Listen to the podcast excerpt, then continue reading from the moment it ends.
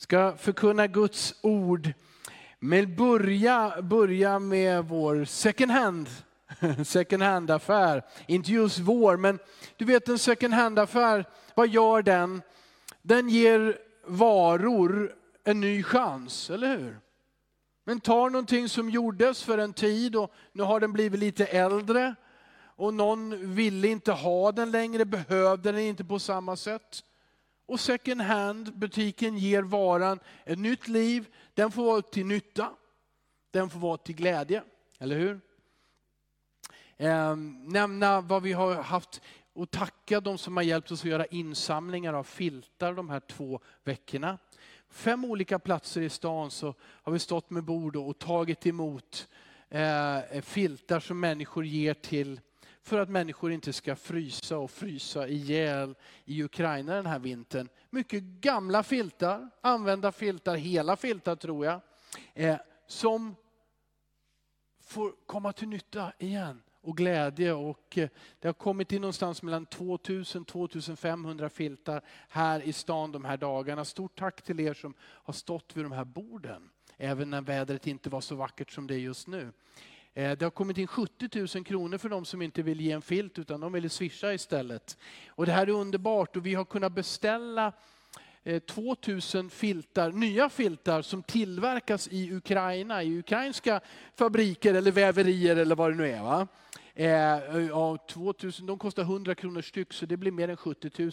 Så vi kan fortfarande hjälpas åt. Okay? Men det här är, det, det här är en, en, en fantastisk sak. Vi tar gamla saker, äldre saker, använda saker och vi ger dem ett nytt liv. Jesus, han ger också andra chans. Han tar gamla människor, äldre människor, förbrukade människor, nedsänkta människor och ger dem en ny chans. Det här det är Guds hjärta.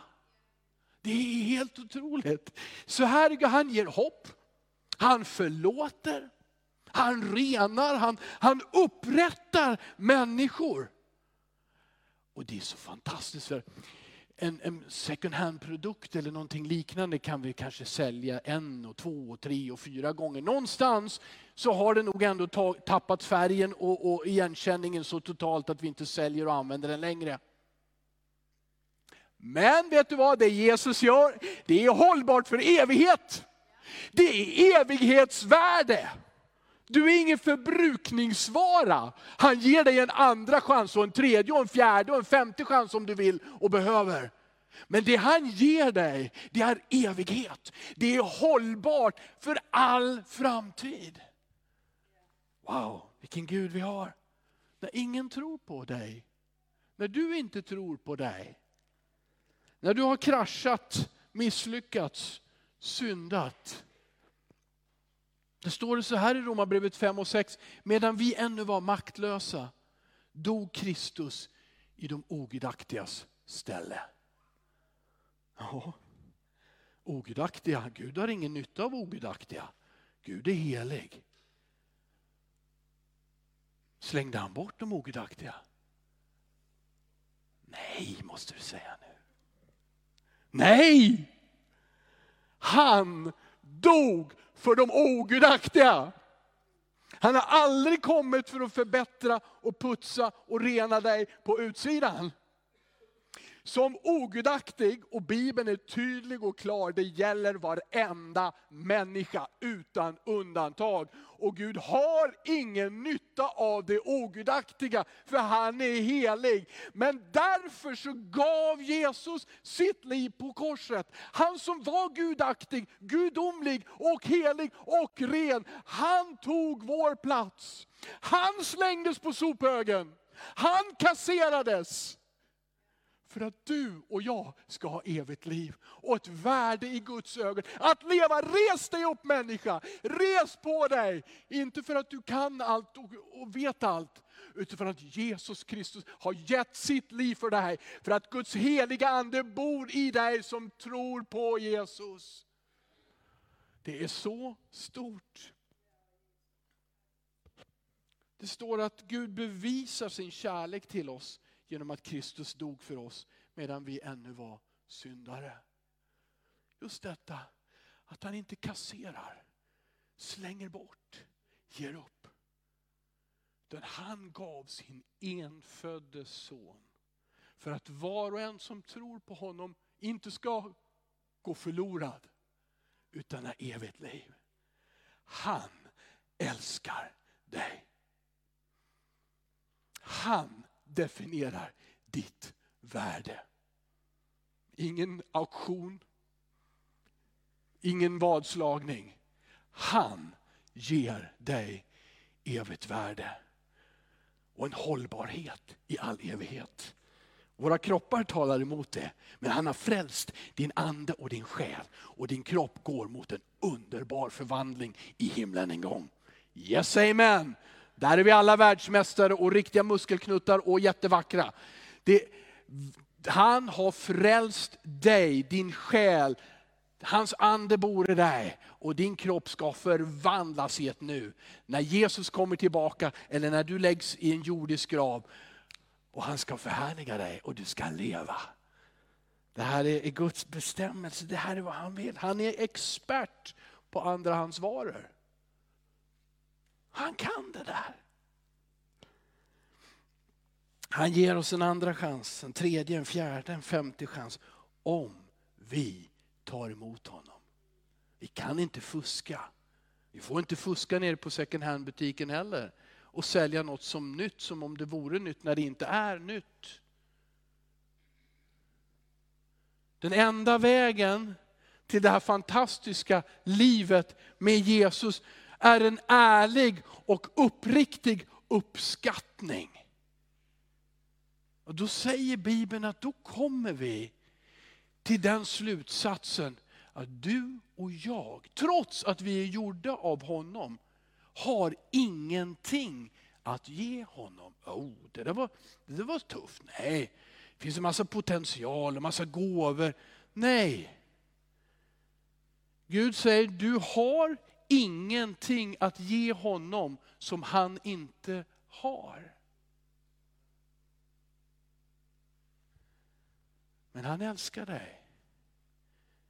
Och om du tror och tar emot honom, om du litar på honom och inte på någonting annat, då strålar det ett ljus om dig. Då är du ett ljus. Jesus säger, ni är jordens, ni är världens ljus, ni är ett salt och ni är ljus i den här världen. Då finns det ett värde i dig. Både att lysa och visa människor till Jesus och vara ett salt i den förruttnelse som synden kan innebära. Jag ska ge er två exempel från Bibeln idag. För i Markus evangeliet har vi kommit fram till eh, en berättelse om Petrus, den största av lärjungar. Så frimodig, så, så klarsynt genom den heliga Ande vi kommer till den berättelse där han totalt förnekar Jesus. Men innan vi ska läsa det här, för det där är kapitel 14, innan så vill jag berätta lite grann om den som vi tror är författaren till Markus evangeliet. Jag har berättat någon gång för ett par år sedan men vill göra det igen, för det passar så bra till detta. Att Gud ger en andra chans. Och det som han gör, det, det som för dig är någon slags plan B, C, D, E eller F eller vad som helst. Den är helt gudomlig och fantastisk. Du ser det i Markus liv och du ser det i Petrus liv. Första gången som eh, Bibeln berättar om Markus, som vi tror är författare till Markus evangeliet, det är Apostlagärningarna 12. Och det är i samband just med, med Petrus. Petrus har kastats i fängelse. Han ligger och sover mellan fångvaktare, kedjad vid dem och vid varje dörr så står det nya soldater eller fångvaktare. Han ska inte få fly. Församlingen träffas och ber. Var träffas de och ber? Jo, det står att de träffas i Marias hus. Vilken Maria? Det finns ju hur många Marior som helst i Bibeln. Och då står det Maria, mor till Johannes som kallades Markus. Där nämns han för första gången.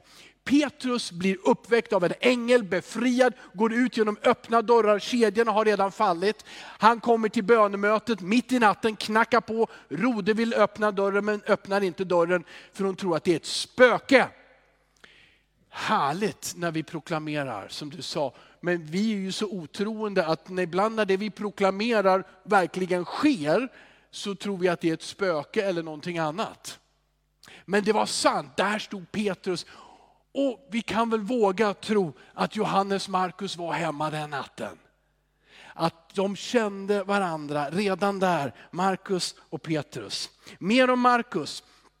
Då blir det så här att en, en, en, andra gången som vi möter honom, det är faktiskt i slutet på samma kapitel. Då kommer Barnabas och Paulus resande från Antiochia, nuvarande Syrien, till Jerusalem. För det är svält och hungersnöd i Jerusalem och de reser dit för att hjälpa de tusentals människorna, tiotusentals fattiga kristna i Jerusalem. Överräcker den här gåvan. När de reser tillbaka till Antiochia så tar de med sig vem då? Jo, Johannes Markus. Varför gör de det? Kanske för att, som det står i Kolosserbrevet 4 och 10, han är kusin till Barnabas. Så de tar med sig Johannes Markus. Men varför gör de det? För Markus beskrivs inte som en stor apostel eller en evangelist eller, eller en talang att, att stå i, i, i, i ljuset, i blickljuset av alla och, och begeistra och imponera. Det finns ingenting sånt. Men vad berättas det om Markus i breven? Jo, att han hjälpte. Han hade ett hjärta att hjälpa, en gåva att hjälpa. Han var en god medhjälpare för Barnabas och för Paulus. Han ville det gärna. Han var inte där för att tävla med apostlarna, utan för att betjäna dem, att hjälpa. Vad är det som var hans gåva? Och jag vill, vet du vad, att det, lyssna. Första Korinthierbrevet 12 och 28. För dig som tycker att det är häftigt att vara apostel, det är någonting värt, men gå och städa i kyrkan, det är inte lika mycket värt. Eller någon sån jämförelse. Lyssna på den här versen. Gud har i församlingen för det första satt några till apostlar, för det andra några till profeter, för det tredje några till lärare och några till att göra kraftgärningar. Och alla pingstvänner säger halleluja. Andra till, till få gåvor att bota sjuka och det blir ännu större, eh, hjälpa hoppar över och så står det styra och, och tala olika slags tungomål. Hör, det var en imponerande uppradning av gåvor profeter, apostlar, styra, leda, tala i tungor, bota sjuka, göra kraftigare. Att hjälpa stod det mitt i. Där har du Guds värderingsskala. Den som hjälper och som lever i den gåvan har en nåd av Gud. Och det var otroligt för Barnabas och Paulus att få ta med sig den här Johannes Markus. För där fanns det en nådegåva som fungerade. Som gjorde deras liv och deras tjänst så mycket lättare, så mycket bättre. Och det kommer att växa. Väl tillbaka i Antiochia så sände församlingen ut Paulus och Barnabas på deras första missionsresa. Och det står att de tog med sig Johannes Markus. Men jag berättar ju om Markus nu för att ge exempel på någon som började bra och körde fast i väntan på en andra chans. Han gjorde det. Det är en liten kommentar i Apostlagärningarna 13. De kom till Perge, det är en, en stad på kusten av nuvarande Turkiet, kallades mindre Asien på den tiden. Och där står det att Johannes Markus lämnade dem och återvände inte till Antiochia utan till Jerusalem. Man får känslan att han åkte helt enkelt hem. Han tyckte, nu var missionsresan färdig. Och så om vi lyssnar på Paulus så hade missionsresan knappt börjat än. Och när Paulus kommenterar det här lite senare, eh, några år senare inför en ny missionsresa, så säger han, Johannes Markus har diskvalificerat sig, för han övergav oss. Han lämnade oss. Vi behövde honom och vi hade ett uppdrag framför oss. Men då stack han hem. står att han övergav dem, säger Paulus. Det är tufft.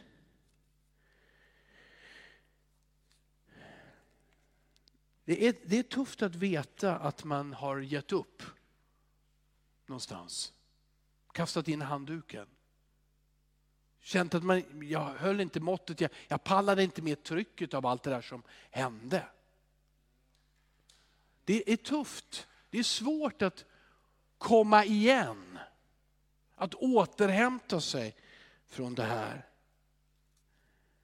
Och inte minst när det blir en sån diskussion mellan Paulus och Barnabas. Och Paulus säger, han får inte komma, det står i Bibeln så här, han är inte lämplig att följa med för han övergav oss.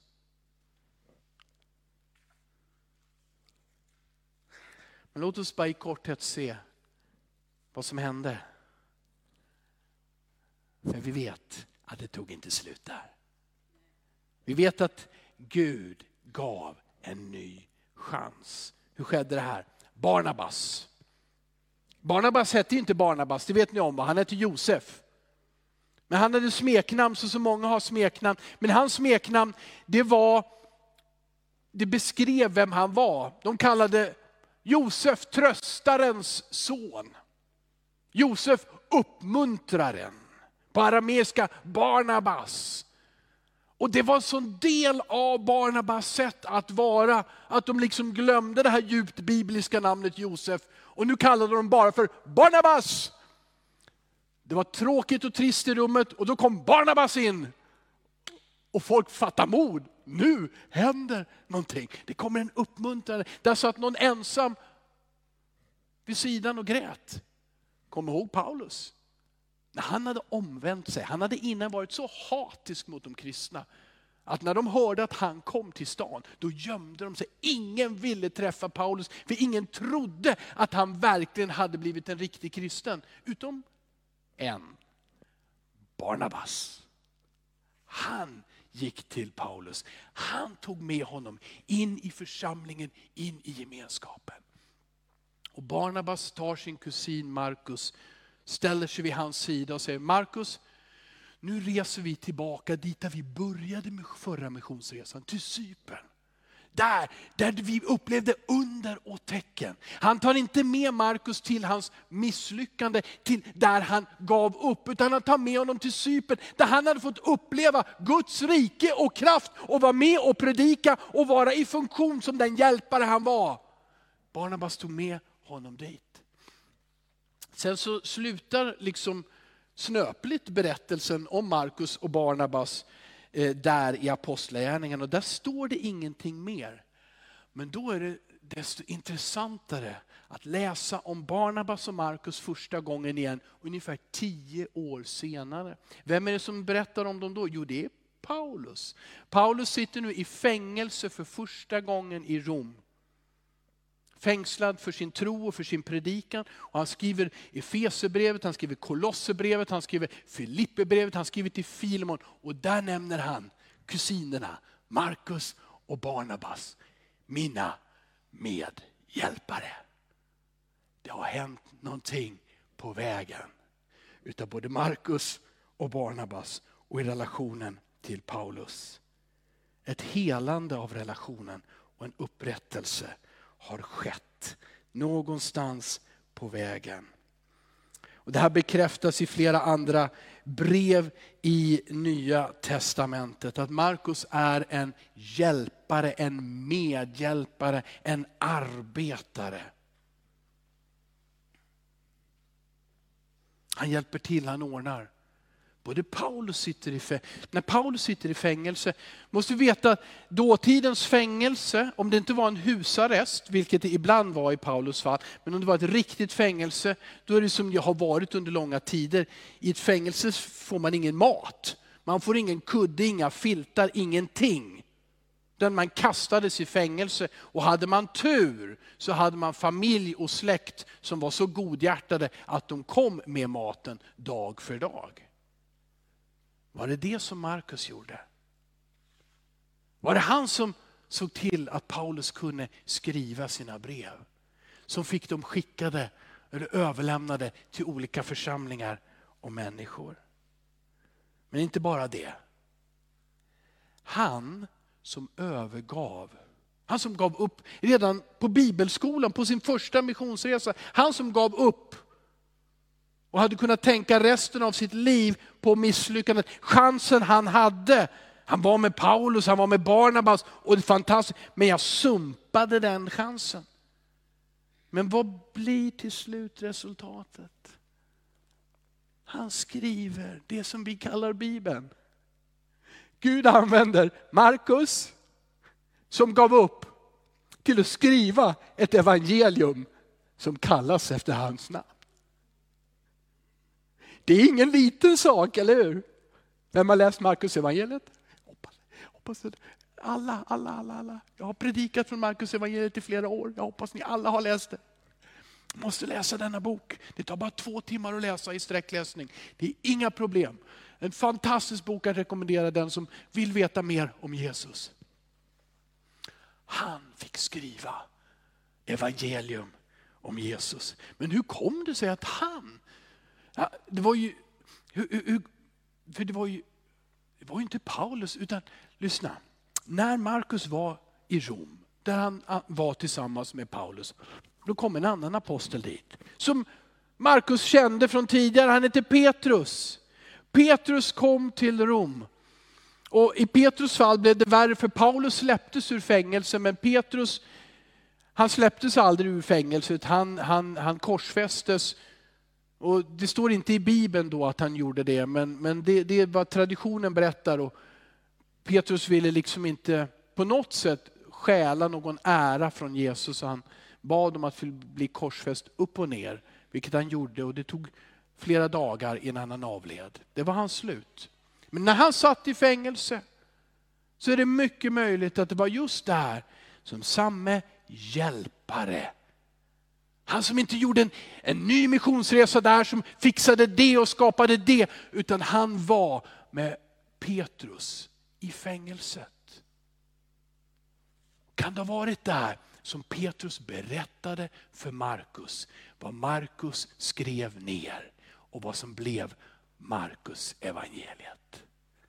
Där, han lyssnade, han skrev, han hjälpte. Vad skriver Petrus i sitt första brev? Femte kapitel, trettonde vers.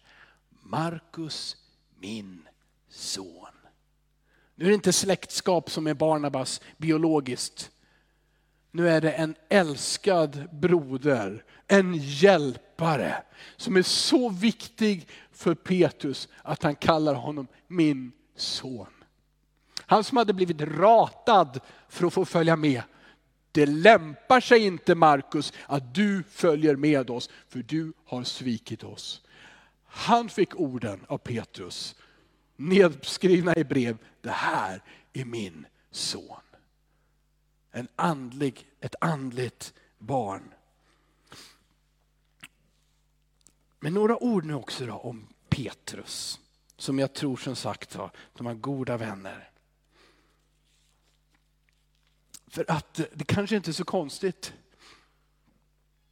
Markus som övergav, hade Petrus gjort något liknande? Mm -hmm. Det känns som Petrus hade gjort det ännu grövre.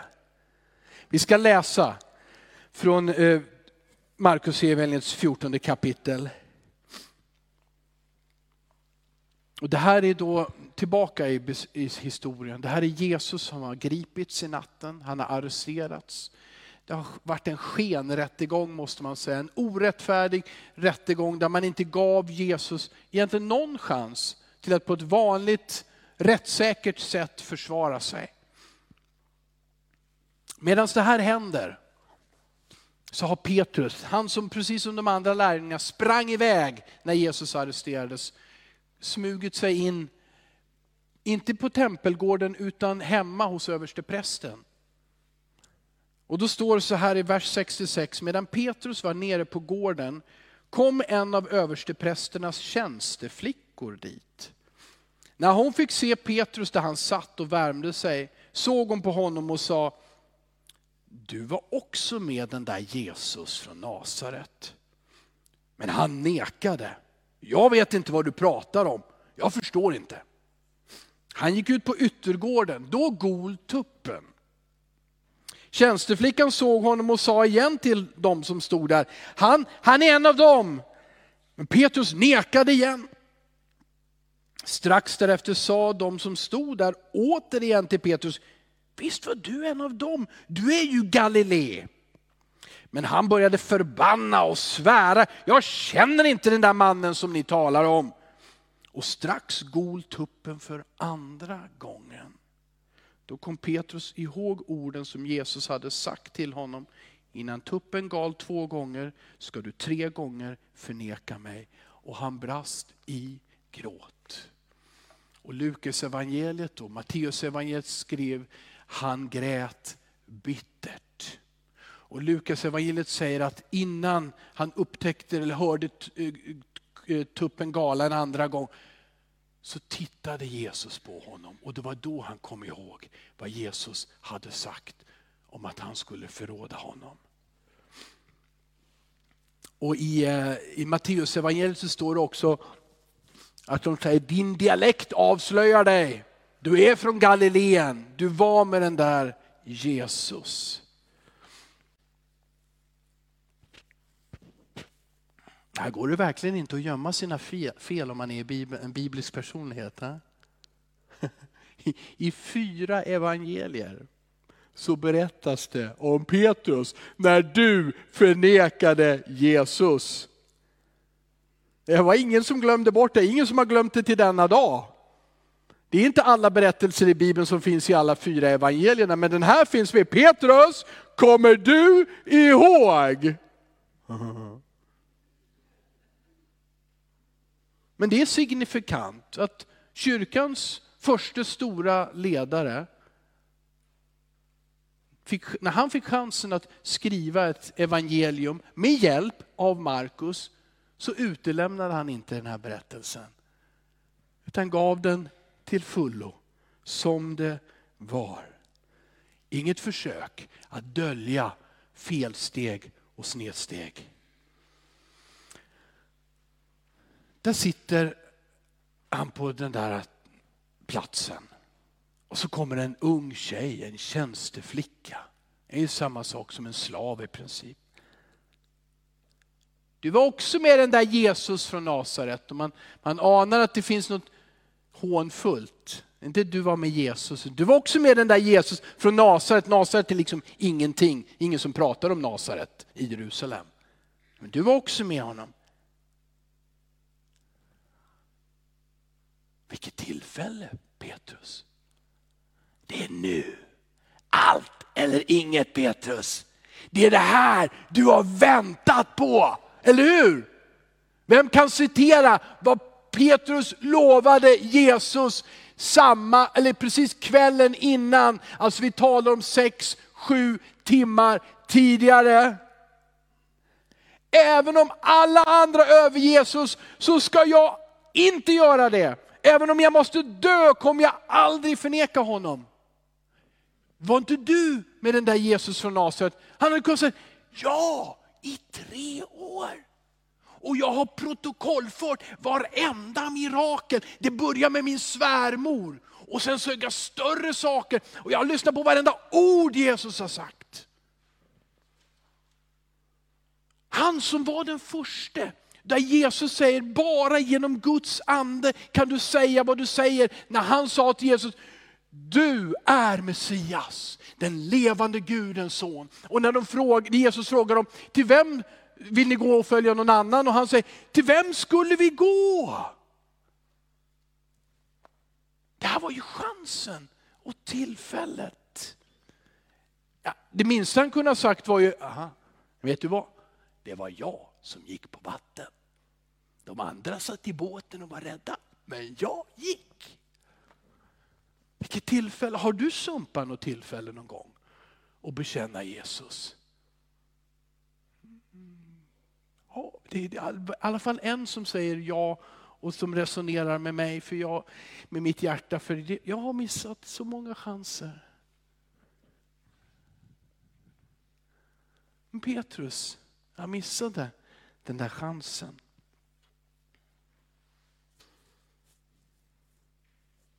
Markus missade en chans till ett fantastiskt missionsäventyr. Eva och Adam missade en chans till ett fantastiskt liv. En oförstörd jord i begynnelsen. Noa hade varit ute och åkt båt men sen så slutade det med att han drack sig full istället. Han missade också någon chans. Mose hade, växte upp i konungahus verkar det som. Han slog ihjäl en kille, han missade chansen.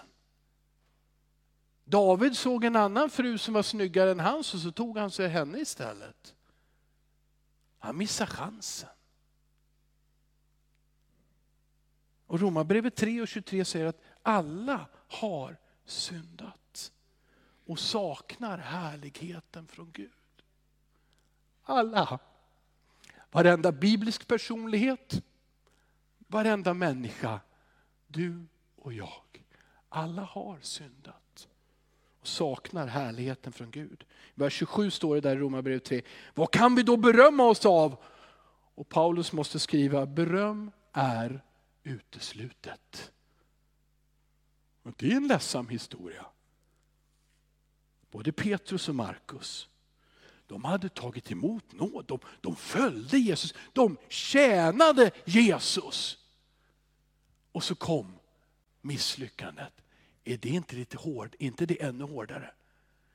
Innan så visste jag ju inte bättre och gjorde många fel och levde på mitt sätt. Sen mötte jag Jesus, men det var ju nytt och det var fantastiskt. Och det kunde både Petrus och Markus vittna om. Men sen ställde de till det. Ja, det kan hända att sen ställer vi till det. Och det är jobbigt att resa sig. Vad kan vi lära av Petrus? Vad kan vi lära? Okej, okay, jag börjar med det här först. Det är lite tunga nu då. Att vi inte är duktiga på att hålla våra löften. Mm. Bara pressas lite grann, överraskas. Jesus har försvunnit ur synen för Petrus. Han sitter ensam, det är mest fiender på den där gården. Och så kommer den där unga tjejen i föraktfull ton, var du inte också från Galileen och med Jesus? Oops, så förnekar han det. Men nu kan han ju bättra på det. Han måste ha suttit där och tänkt, aj, aj, aj, aj, aj, vad sa jag nu? Så här får det inte gå.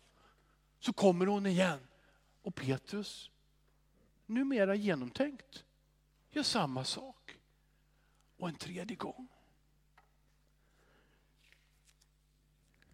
Vi har inte det i oss som krävs. Vi har inte det i oss som krävs för att vara totalt ärliga, uppriktiga, sanningsenliga. Vi har det inte i oss själv. Varken inför Gud eller ens inför vårt eget samvete. Vad kan vi mer lära oss? Jag tror att det här är viktigt vad jag säger nu. För jag upplever att det här går jättemycket mot den anda som vi har i världen och faktiskt också lätt bland oss kristna. Vi kan inte peppa människor till att tro på sig själva och lyckas med det. Vi kan inte peppa oss själva och andra att tro på sig själva, på sin egen förmåga. Du måste bara titta lite djupare in i dig. Det finns så underbart potential säger vi. Lyft fram det, stå rak, var dig själv, stå för din rätt och det kommer bli så bra. För om Petrus, som jag beundrar, och du med antagligen, som stod på pingstdagen och predikade för tusentals. Om han kunde säga, jag ska aldrig svika dig Jesus. Jag vet att du är Guds son. Om till och med han kunde förneka Jesus på det sätt han gjorde, då vet jag att det hjälper inte att varken du eller jag blir peppade och tänka lite bättre om oss själva. Det är en återvändsgränd som slutar vad då? Den, den handlar om själviskhet och den slutar i bästa fall i självömkan. Det är så synd om mig. Och jag lyckades inte göra det där för Gud som jag skulle ha gjort. För det handlar inte om dig och mig. Och det handlar inte om ditt och mitt potential. Det handlar om en radikal överlåtelse till Jesus. Ja, där du till och med kan använda så, så det låter så deprimerande att säga, jag kan ingenting. Men Jesus kan allting. Och det är det som är ditt och mitt hopp att han får ta plats i hela vår tankevärld, i vårt hjärta, i vår varelse. Och han får leva genom dig och mig och genom sin församling. Det är vårt hopp. Vi måste förstå att det här, det här talet om synd, som, som inte är populärt. Men kära vänner, det är ingenting annat än en diagnos och sen presenteras den bästa hjälpen. Trots att Petrus förnekelse nämns i Bibeln, så finns det ingen, inget tecken på att någon tryckte ner Petrus, lite sådär som jag sa förut, kommer du ihåg Petrus? Det fanns ingenting nedtryckande. Petrus visste det, Paulus visste det, alla visste det, män och kvinnor. Jag har syndat. Och utan Jesus så har jag ingenting att ge. Men Jesus bor i mig. Jag var ogudaktig och han dog för mig. Han har flyttat in i mig med sin heliga ande och allt är möjligt i Jesu namn. Det här var församlingen ödmjuk och ändå så frimodig. Så fylld av Guds kraft att göra Guds vilja. Att faktiskt hålla ut i lidande och i svårigheter. Hur blir det rätt? När du följer Jesus följer du en som ger nya chanser. Han ger dig en ny chans. Och han ger människorna runt omkring dig en ny chans. Petrus tyckte det där med förlåtelse var jobbigt. När det handlade om att förlåta andra. Kommer ni ihåg det? Jesus, måste jag förlåta min broder sju gånger om han syndar mot mig? Förstår du? Den här killen som kommer och gör samma sak om och om igen. Jesus, sju gånger, ett heligt tal, eller hur? Jag förlåter honom sju gånger och Jesus säger, vadå Petrus? 70 gånger sju, börja där. Kan du räkna Petrus, fundera på det och så börja förlåt så. Och det är liksom bara ett evighetstal. Förlåt din broder. Petrus förlåt din broder. Jag tror Petrus skattade sig glad den där gången han kom på tre väldigt starka förnekelser. Så, en, två, tre. Det finns fortfarande nåd. Det finns fortfarande förlåtelse. Amen. Det, det, här, det här behöver prägla våra liv. Hur vi ser på oss själva och hur vi ser på andra. Vi bedömer inte varandra, skriver Paulus, efter det vi brukade vara. Du var sån, du var dålig. Ingen litade på dig. Men säger, det är inte intressant. Det är inte intressant vad som var igår. Det är intressant vad som ligger framför dig och idag är första dagen på resten av ditt liv. Det är intressant att få ha med Jesus och följa honom och låta honom verka i oss och genom oss. Ja. Otroligt att Bibeln aldrig döljer människors synder och felsteg. Inte, ingen försköning, utan öppenhet och ärlighet och ändå kärlek. Förlåtelse. Vilken brokig skara Jesus har. Från första början sökte han ut konstiga killar. Och kvinnorna de var inte bättre de heller. Ja? Jag ska inte säga att de alla var totalt misslyckade, det är inte rätt. Men det, alltså, de, de var inget dream team. Och ändå var de ett dream team. Du är med i Jesus dream team. I den skara som han vill ha. Ja, men det, du är med där. Ta emot det. Det där med synden, Det är en diagnos. Det finns en hjälp. Han hängde på korset. Korset är tomt för han är uppstånden och han lever idag. Han tog dina synder på sig. Det är den medicinen du och jag behöver. Jakob skriver så här i sitt brev, har någon begått synder ska han få förlåtelse för dem. Amen. Har någon begått synder ska han få förlåtelse för dem. Både du och din broder och din syster. Bekänn därför era synder för varandra. Ja, han säger så. Och be för varandra så att ni blir helade. Amen. Och Johannes skriver, om vi bekänner våra synder är han trofast och rättfärdig så att han förlåter oss våra synder och renar oss från all orättfärdighet. Det där är mitt sista bibelställe. Och jag läser den versen och kringliggande verser en gång till. För att det är så tydligt. Första Johannes, första kapitel, vers 6. Om vi säger att vi har gemenskap med honom och vandrar i mörkret, ljuger vi och handlar inte efter sanningen.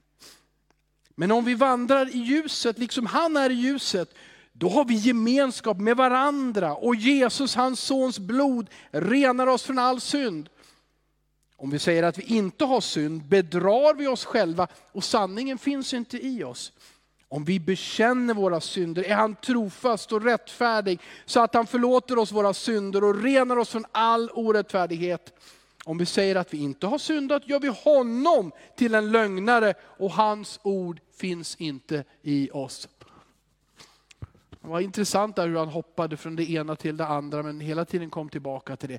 Det finns ingen möjlighet inför Gud att förneka sin synd. Säga jag har klarat mig bra, jag är inte som andra. Jag har mina fel men de andra är värre. Det funkar inte. Utan det är bara en ödmjukhet och en bekännelse av ett beroende. Jag behöver Jesus. Jag behöver det blod som rann när han gav sitt liv. Jag tar emot det i tro. Kära vän, ta emot det i tro. Behöver du ta Jakobs, ibland är det bra att ta Jakobs eh, tips där på allvar.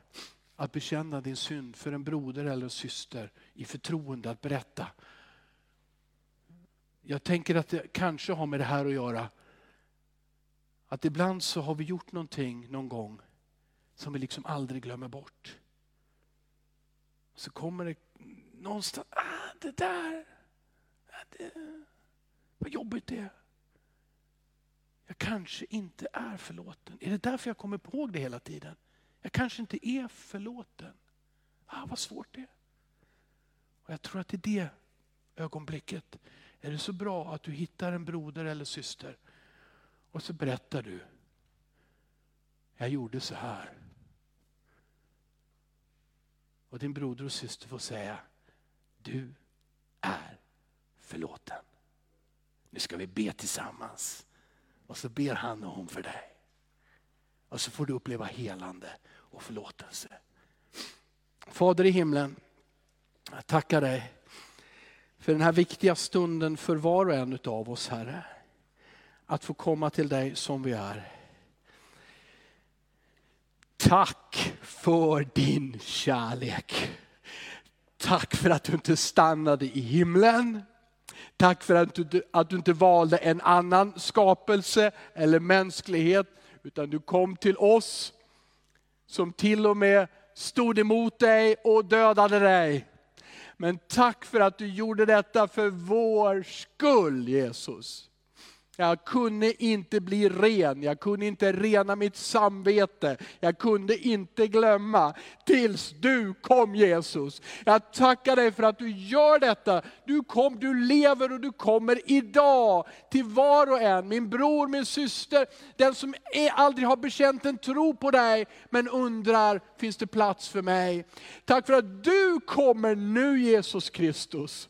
Tack för din kärlek och tack för förlåtelsen och tack för upprättelsen. Och jag ber dig Jesus att våra liv ska få präglas, inte av vår egen präktighet, men av din nåd Herre. Att vår gemenskap ska få vara upprättande, befriande Herre Jesus Kristus. Ja, vi missar våra chanser. Ja, vi får lära och börja om. Men tack för det Herre.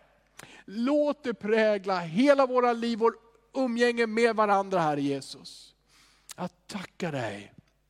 Och jag ber Herre att du ska välsigna oss nu Herre.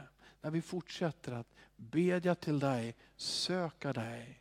I Jesu namn. Amen. Amen.